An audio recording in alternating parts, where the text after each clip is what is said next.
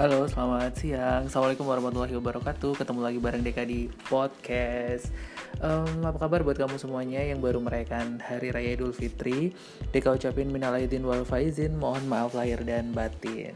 Buat teman-teman semuanya, um, di situasi pandemi ini jangan lupa untuk jaga kesehatan, jangan lupa minum vitamin dan jangan lupa istirahat. Uh, pada kesempatan kali ini Deka mau ngebahas tentang ya yang nggak terlalu rumit kali ya ngebahas yang ringan-ringan aja. Um, di sini Deka mau ngebahas tentang gimana sih cara mengatur keuangan untuk para milenial semuanya.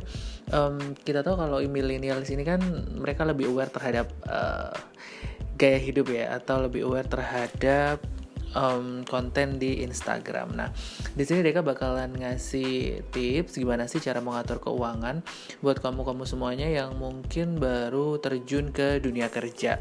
Nah, kalau karyawan-karyawan baru dunia kerja itu kira-kira gajinya berapa sih? Hmm, juta, dua juta, tiga juta, empat juta, atau lima juta lebih ya? Ada yang lebih ada yang di bawahnya ada yang cukup UMR aja. Ada yang 4 juta sampai dengan 6 juta. Nah ini range-nya um, deka pukul rata sekitar 5 juta sampai 7 juta ya. Biasanya sih mereka memang mendapatkan um, penghasilan sekitaran 4 juta sampai dengan um, 8 juta. Nah, gimana sih cara kamu untuk menyisihkan uang kamu supaya nggak habis gitu loh? Kebanyakan kan kalian biasanya habis gajian gitu langsung beli baju, langsung beli sepatu gitu kan. Ini beda banget kondisinya dengan orang-orang zaman dulu kayak orang-orang uh, zaman dulu tuh kayak mama aku nenek aku gitu kan uh, habis dapat uang langsung ditabung habis dapat duit gitu ya langsung dibelikan aset gitu kalau anak-anak sekarang kan sulit ya beli aset aja masih nunggu sekitaran ya nyicil 20 tahun, 15 tahun gitu ya baru bisa dapat satu rumah gitu kan. Nah, karena zaman dulu kan beda dong dengan kondisi sekarang. Kalau zaman dulu kan nggak um, ada mall gitu ya, nggak ada all shop gitu, nggak ada aplikasi kayak Traveloka gitu.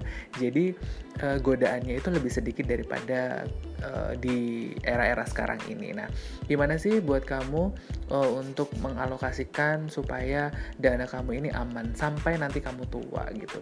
Yang pertama, ketika kamu dapat gaji, jangan lupa untuk membayar zakat karena bagi orang-orang yang beragama Islam, zakat adalah hal yang sangat wajib dan sangat penting. Jika kamu pendapatannya 80 juta per tahun, kamu wajib mengeluarkan zakat. Bisa sampai uh, ya 2,5% lah per bulan kamu sisihkan untuk bayar zakat. Sisanya bisa kamu alokasikan ke tempat lain. Nah alokasi yang kedua ini adalah penting juga teman-teman adalah assurance atau alokasi untuk pembelian asuransi. Jadi jangan lupa buat kaum millennials untuk membeli asuransi karena asuransi ini nggak kerasa sekarang sih, cuma nanti kalau kita udah tua, udah mengalami resiko gitu ya baru kerasa asuransi. At least kalian harus punya asuransi kesehatan.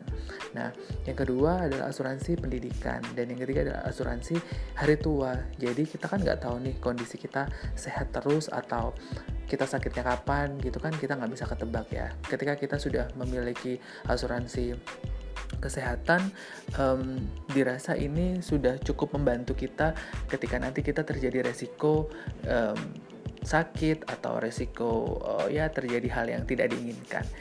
Kemudian yang kedua adalah resiko untuk um, terjadi kolaps pada perusahaan kita yang kita naungin sekarang gitu loh. Kita nggak tahu perusahaan kita kondisi keuangannya seperti apa kondisi ekonomian juga kita nggak tahu seperti apa. Paling nggak kita punya asuransi untuk menunjang uh, kita di hari tua nanti ketika kita sudah nggak kerja lagi. Gitu.